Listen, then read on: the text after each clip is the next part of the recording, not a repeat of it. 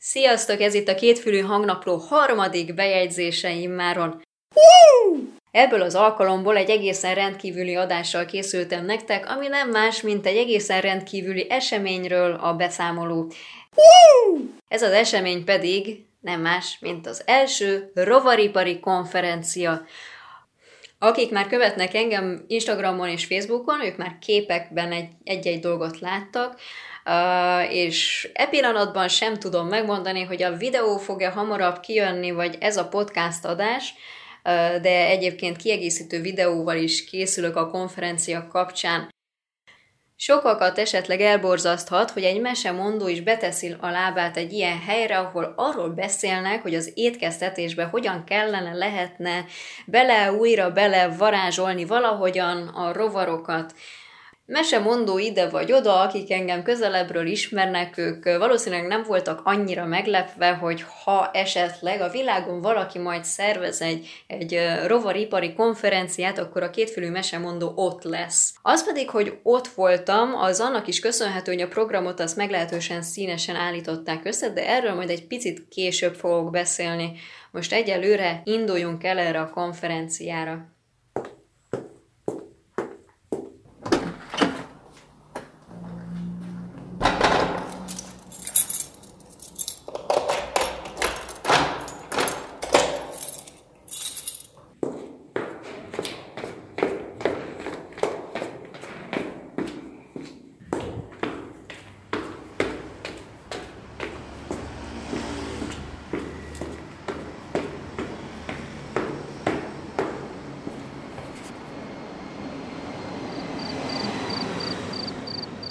Konferenciára érkezvén először is ugye leadtam a kabátomat, fölvettem a badge majd beszabadulhattam az előadó térbe. Az előadó térben ekkor már egy pultra ki voltak rakva mindenféle rovarok, ugyanis e, volt egy kis társaság, akik e, olyan, olyan termékeket mutattak be, amik adott esetben a más országokból, ahol szabad rovarokat étkeztetési célra felhasználni, e, ilyen országokból hoztak egy-egy mintát, ilyen, ilyen mindenféle lábas snackek, Hát ezeket én derekasan végigkóstoltam, és amíg kóstolgattam, próbáltam egy-két információt elcsenni tőlük. A most következő felvételek igazság szerint teljesen lesifotós felvételek mikrofonnal, ha ennek így volt értelme.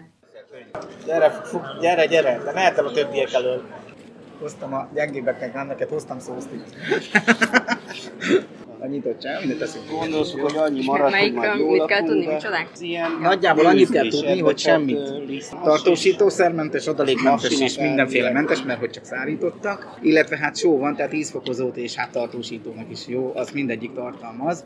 De ezek már fogyasztásra kész termékek, tehát ezt lehet enni. A port az nehéz, mert az kicsit ragadós, de azt meg alapanyagként tudod használni. Igazából ez egyenlő ezzel, csak Ja. más formában. Ezek a műzlik, ez arra való, hogy De ezek ne ilyen készített granulátumok, vagy ezek, mik ezek a műzlik? Ez egy sima fölpuffasztott extruderrel készített kis izé, Mhm. gabonapelyhek, amiben a protein tartalmat leginkább a lisztkukacpor adja. Tehát azért, hogy van, amikor félünk, mert csúnya és undorító és nem tudom micsoda, de igazából, ha ezt nem mondanám, hogy ebbe az van, akkor ember nem tudná is megenni úgy, mint a bármelyiket. Mit lehet tudni ezeknek az elkészítésükről? Hogyan Csak szárítás. Ö, Szárítás meg esetleg fűszerezés? Hát kettő én, én vákumszárítást használnék, ha én csinálnám, Aha. azért, hogy még jobb legyen, de az csak az állag, tehát az ízértetben semmi. A fűszerezés az meg csak a só, de az is csak azért, hogy ne az európai vagy a bárki, aki felhasználó. Ugye akik ezt csinálják, például ezeket, ők nem a tehát nem a előállító ország számára csinálják fellendülni, az konkrétan Európára, meg Amerikára. És hogy megegyék ott is az emberek, gondolom ezért sózni. Én nem sóznám egyébként magamtól. Meg milyen ízed van? Hát ez olyan, mint egy, mint egy levél. Vagy egy Ezt akartam mondani, hogy, hogy, hogy, hogy jobbára az, amit evett. Nem tudok olyan magyar ízt vagy ízérzetet sem, ami Magyarós, nem? Leginkább. mondani, hogy a tücskök, tücskök azok ilyen magyaros, magyarósak, mandulás. illetve ezekhez, általában ezekhez, tehát csak a magvainkhoz hasonlítják, leginkább a szárított verzióban. Dolog helyen hernyó, csak még hernyóként. Tehát ő eperlevél Azt ízű. mondja, inkább előadás után, mert hogyha hányok, akkor ez nem biztos, hogy Hát egy ő csak azt teszik szintet. A másik báb az Ő még mikor hernyó és még nem egy- egy sok- magát, Ami úgy nézett ki, csak sötétebb. Az pedig a... Ő volt szerintem a szagú. És ez azt jelenti, hogy Tájföldön rengeteg ilyen rovart esznek? Nem, ez nem, ez nem ilyen egy... Vagy csak ők tehát a Nem, ők megtehetik, hogy megcsinálják. A koreaiak a rengeteg rovart esznek el, ők a sejemhernyó bubót azt eszik, sőt ez street food, és mindenki találkozott már vele, de hogy rengeteget esznek el, ez olyan, hogy a magyar eszik egy csomó lángost. Tehát ez körülbelül ilyen... De hogy így a mindennapoknak része. Igen, igen, igen. Tehát nekik-. Ugye nálunk ez novel, Tehát nem, vagyis... nem főétkezés. Én becsülettel mindegyiket végigkóstoltam, volt amelyik ízlet, volt amelyik nem annyira ízlet, van, aki szereti, van, aki nem szereti. A, amivel nekem is bevallom meg kellett azért az elején küzdeni, az bizony az undor, de nyilvánvalóan más embernek, más karakternek, aki kevésbé fejel a falnak típus, kicsit többet kell gondolkozni, mielőtt a szájához emel egy lisztkukacot. Egyébként undorítóság szempontból szerintem pont a lisztkukac volt a legkevésbé gusztustalan. Na és akkor megkezdődött a konferencia maga, a terem az teljesen megtelt. Na jó, volt egy-két szabad szék, de azt lehet mondani, hogy majdnem minden kihelyezett széken ültek. Maga a konferencia egyébként a Deák Tibor szakkollégium szervezésében jöhetett létre, akiknek a munkáját ezúttal is nagyon köszönöm. Egy olyan, olyan konferenciát sikerült összeállítaniuk, aminek a programját végig tekintve egy magamfajta mesemondó késztetést érzett arra, hogy elmenjen erre a konferenciára. Valóban nagyon sokfajta előadás volt. Az első előadás az rögtön meglepett, és nagyon kellemesen még hozzá. A Deák Tibor szakkollégium képviseletében hallhattunk és élvezhettünk egy olyan, olyan előadást, egy olyan gyakran ismételt ké- kérdések típusú előadást, amiben párbeszédes formában tudhattuk meg, hogy, hogy mik általában az akadályok egy, egy rovar tartalmú élelmiszer bevezetésével szemben. Ebben a rovaripart Pintéri Hárt képviselte, és mellette állt egy srác, aki pedig mondta és mondta az ellenérveket, a felvetéseket, amivel, amik nagy része olyan volt, amivel én magam is tudtam azonosulni. Ugye itt vannak ezek a kérdések, hogy, hogy a, a, nem, nem a kultúra része, miért kell ez nekünk, hiszen most tök jó, hogy más kultúrák megesznek olyan gusztustalan dolgokat, mint a bogár, de nekünk ez miért fontos, nekünk ez miért jó. És tök jól reflektáltak egyszerűen, érthetően, olyan példákkal, amik, amik mindenki számára érthetőek, feldolgozhatóak, és nem utolsó sorban visszakereshetőek. Egy olyan párbeszéd volt ez, ami, amit el tudsz képzelni, hogy ez tényleg megtörténhet, hiszen ott áll az az ember, aki nem, nem, nem és nem eszik rovart, és ott áll mellette valaki, aki viszont eszik. És nem úgy volt ábrázolva az, aki nem eszik, hogy te most buta vagy, te, te hibás vagy, te rossz vagy, akkor mit keresel ezen a konferencián, stb. stb. Tök értelmes beszélgetés volt, jöttek a felvetések, és mindig volt egy reflektálás erre, és időnként oda-vissza dobták a labdát, hogy na jó, de így van, de nem úgy van, szóval összességében egy nagyon összeszedett, nagyon szép munka volt, nagyon gratulálok nekik hozzá. Újabb versenymikrofonos felvételek következnek. Azt szeretném nekem, azt szeretném nekem mondani, hogy ezek az alapanyagok nem csak az élelmiszeripar és a takarmányipar számára lennek hasznosak, hanem még a gyógyszeripar számára is. Igen, pontosan ezt akarom mondani. Jó, legyen. Elfogadom, hogy ipari szempontból hasznos lehet az alapanyag. De Magyarázz már el nekem kérem, miért választod a marhahús helyett tücsköt? Valójában a hagyományos állattenyésztéssel szemben a rovarok szerves mellékterméken, illetve ipari mellékterméken jóval nagyobb hatásokkal tanulmányozható, ökológiai lábnyomuk kisebb. Ezáltal jóval kisebb helyen, kevesebb károsanyag kibocsátással, kevesebb energiabefektetéssel, sokkal több értékes tápanyaghoz juthatunk a növekvő igények kielégítésére. Jó. Kisebb a vízárnyomon. Ó, kevesebb üvegházhatású gázbocsátás. De most mit csináljak? Arra gondolok, hogy egy tár tücsök pörkötet kell elfog, elfogyasztanom, azon nyomban összeszkodom, és elfog a hány inger. Ezen nem vagy egyedül. Nagyon sokan vélekednek így. Pontosan ennek kutatása érdekében megrendezésre került az egyetemen az első magyar bárbánket az érzékszervi laboratóriumban, dr. Gera Attila irányításával, A későbbiekben ő is felszólal majd a témában és bővebb információkat. A kutatás célja pontosan a fogyasztói attitűd változása a kóstolt rovaros termékek esetében. Illetve ezt vizsgáljuk. A Leákibor szakkollégium lelkes és tudáséhes hallgatói pedig rendelkezésre állnak és nagyon szívesen meg is kóstolták ezeket a termékeket. Készítettünk például ismótrát és fasírtúskodót is, amik tartalmaztak tücsőport. És volt egyáltalán valaki, aki ezeket, ezeket finomnak találta? Igen, kimondottan. A fasírok esetében a személyes vélemények alapján elmondhatom, hogy a világon sokkal jobban kedvelték azokat a fasírtokat, amikben volt egy kis újszerű ciripelés a megszokott bőgés helyen, és egyikük sem volt legjobb tudomásom szerint sem kínai, sem mexikói. És akkor menjünk tovább az előadásokkal, hiszen a konferencián nem csak ez a gyakran ismételt kérdések típusú előadás volt. Szeretnék kiemelni néhány olyan dolgot, amit én magam ezen a konferencián tanultam meg, egyik másik tényt azt már esetleg ismertem, hallottam, például itt a, a rovarok magas fehérje tartalmára is lehet gondolni, de voltak olyan aspektusok, amiket bennem föl sem merültek soha. Ezek lehetnek talán ennek a konferenciának az olyan fajta kimenetelei, amik, ami egy átlagember számára is tanulságként szolgálhatnak, megfontolásra érdemesek minden esetre. Semmi szín alatt nem fogok most sorban haladni, és azt is le kell bizony szögeznem, hogy nem fogok mindenkit név szerint megemlíteni. Ennek leginkább az én személyes trehányságom az oka, sajnálom, de nem írtam föl mindenkinek a nevét. Nagyon nehéz utólag már visszatársítanom ezt az előadó és az elhangzott tanulság kapcsolatot, úgyhogy ezúton is szeretnék ez ügyben bocsánatot kérni. Remélem, hogy most, most mindegyikből ki fogok tudni azért csemegézni egy-egy mondatot.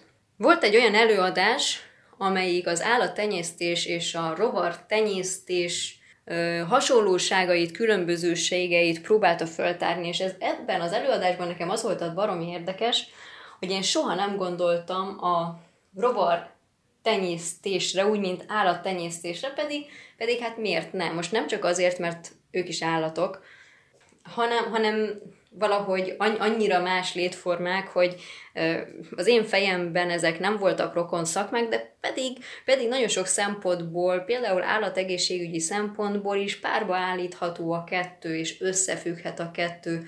Ugye egyik a másiknak tudja enni a, a maradékát, vagy akár a teljes állatot, és ez egy nagyon izgalmas kérdés. Innentől ugye nem mindegy, hogy mit eszik az a rovar, amit vagy mi eszünk meg, vagy az az állat eszik meg, akit mi fogunk megenni.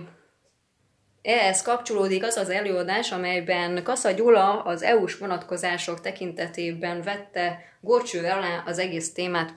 Ugye itt, itt az a kérdés, hogy hogyan fogjuk leszabályozni, mert abban a pillanatban, hogy étkezési céllal tartunk bármit, legyen az répa, szarvasmarha vagy ö, szúnyoglárva, most nem tudom, hogy a szúnyoglárvát emberi étkezésre felhasználnánk-e, vagy sem, teljesen mindegy, vagy egy olyan célral tartunk egy rovart, hogy azt majd megeszi egy olyan állat, akit mi szeretnénk megenni, mert rögtön nem mindegy, hogy egy, ezek a rovarok mivel táplálkoznak, milyen, milyen körülmények között élnek. Erre oda kell figyelni, és ezt tök jól taglalta a Gyula. Ebben az előadásban egyébként a legszebb mondat szerintem így hangzott, ha most leülök a családdal és egy jó sáskát akarok enni, akkor én nem dioxint akarok enni és tegyük rögtön hozzá, hogy igaza is van. Kanyarodjunk egy picit vissza az állattenyésztés témájára. Soha nem gondoltam arra, hogy bizony már vannak háziasított rovarok, pedig az ember nyilván tudja, hogy vannak. Úgyhogy ezúton is üzenem annak, akik esetleg már most előre undorodnak mindentől, amit rovarokból készítünk, vagy amihez rovaroknak bármifajta köze van, hogy mától nem ehetnek mézet, és nem hordhatnak sem olyan terméket, amiben szálak futnak. Jó?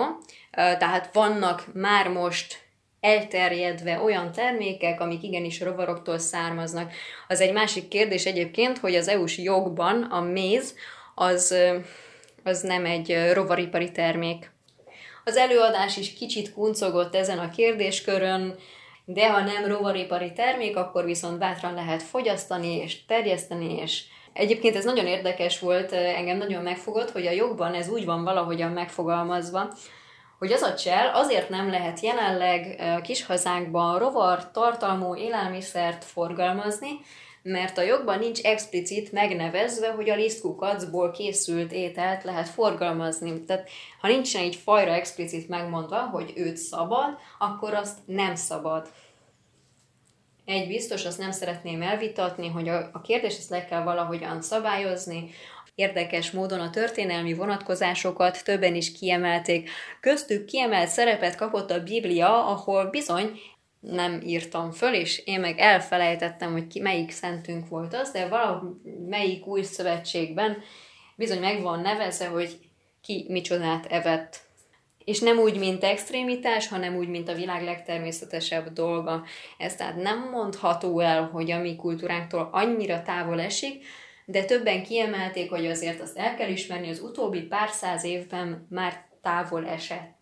De mondjuk a cserebogárlevest Darwin is ismerte, és nem úgy, mint valami egzotikus, el, eltérő kontinensről származó étel, hanem bizony valami, amit bizonyos helyeken fogyasztottak, teljesen más témában, marketing oldalról közelítette meg a kérdést Fehér István, aki engem nagyon meglepett, amikor rögtön az azzal kezdte az előadását, hogy hozott egy sáskát, és ezt a sáskát átadta a szervezőknek azzal, hogy azt reméli, hogy a jövőben ez tovább fejlődik, hát nem konkrétan ez a sáska, de maga ez az aktus, ez talán tovább tud élni majd egy arany sáska díj formájában. Egyébként ennek az előadásnak, ennek a marketing témájú előadásnak is tök sok olyan, olyan vetülete volt, amivel, amik nagyon is vitaképesek, azt hiszem valahol máshol, egy másik beszélgetésben hallottam ezt, és jó magam is tudok vele azonosulni, hogy a kezdeti időszakban a liszt formájú rovarok fognak tudni jobban elterjedni.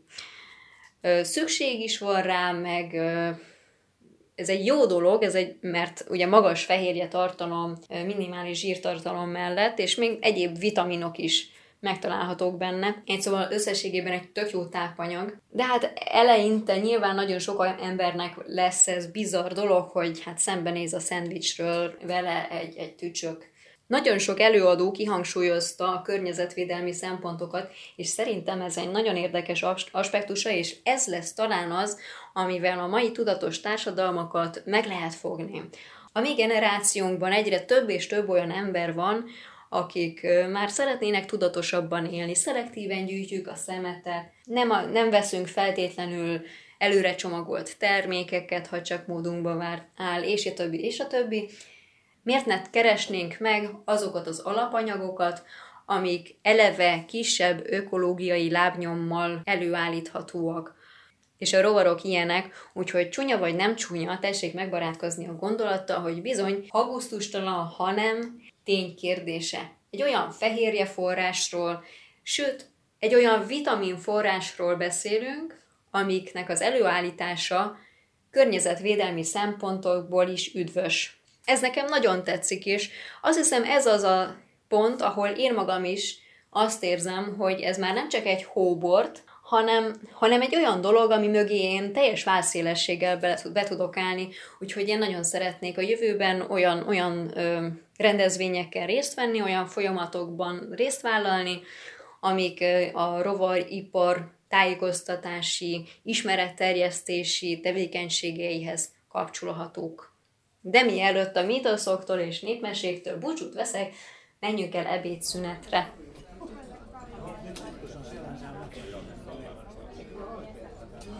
Az ebédszünet egy külön teremben volt, és itt kétféle kaját szolgáltak föl alapvetően, bogarasat és nem bogarasat.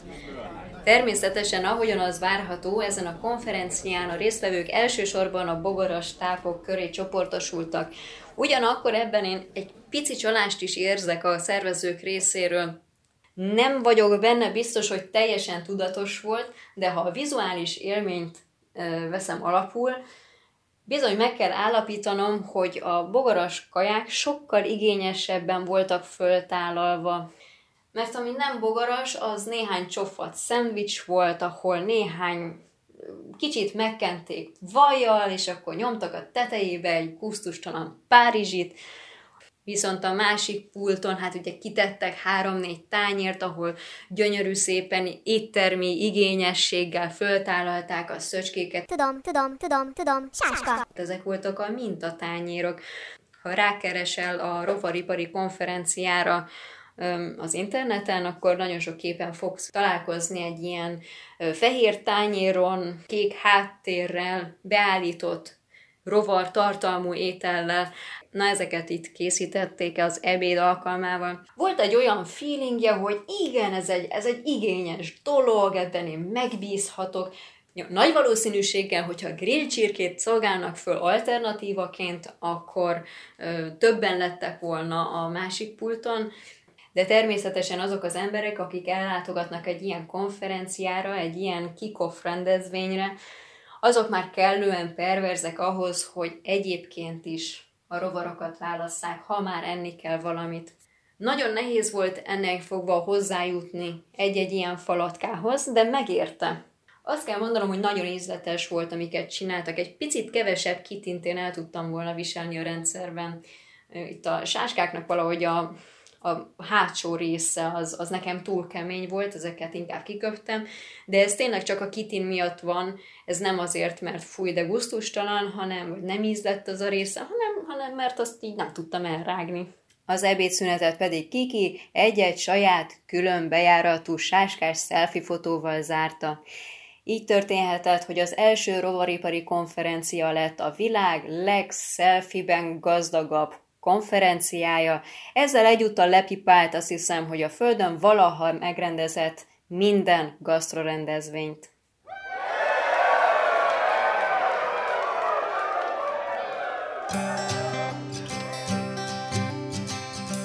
Én a magam részéről nagyon élveztem, óriási élmény volt ez a konferencia számomra. Még egyszer, óriási, hatalmas nagy gratulációm a szervezőknek, ezt így kell csinálni, egy ilyen megosztó témát, én azt gondolom, hogy egy legalább ilyen rendezvényel kell megnyitni. Úgyhogy nagy hajrás, srácok, csak így tovább, nagyok vagytok. És ezekkel a képekkel zárom is ezt a kis hangnapló bejegyzést. Remélem, hogy tetszett, és remélem, hogy sikerült olyasmit mondanom, ami megfogott, vagy legalább elgondolkoztatott. Akkor is, ha egyelőre nagyon nem szeretnéd a rovaripar térhódítását magad körül tapasztalni, és akkor is, ha esetleg már is aktív rovarfogyasztó vagy. Találkozunk legközelebb!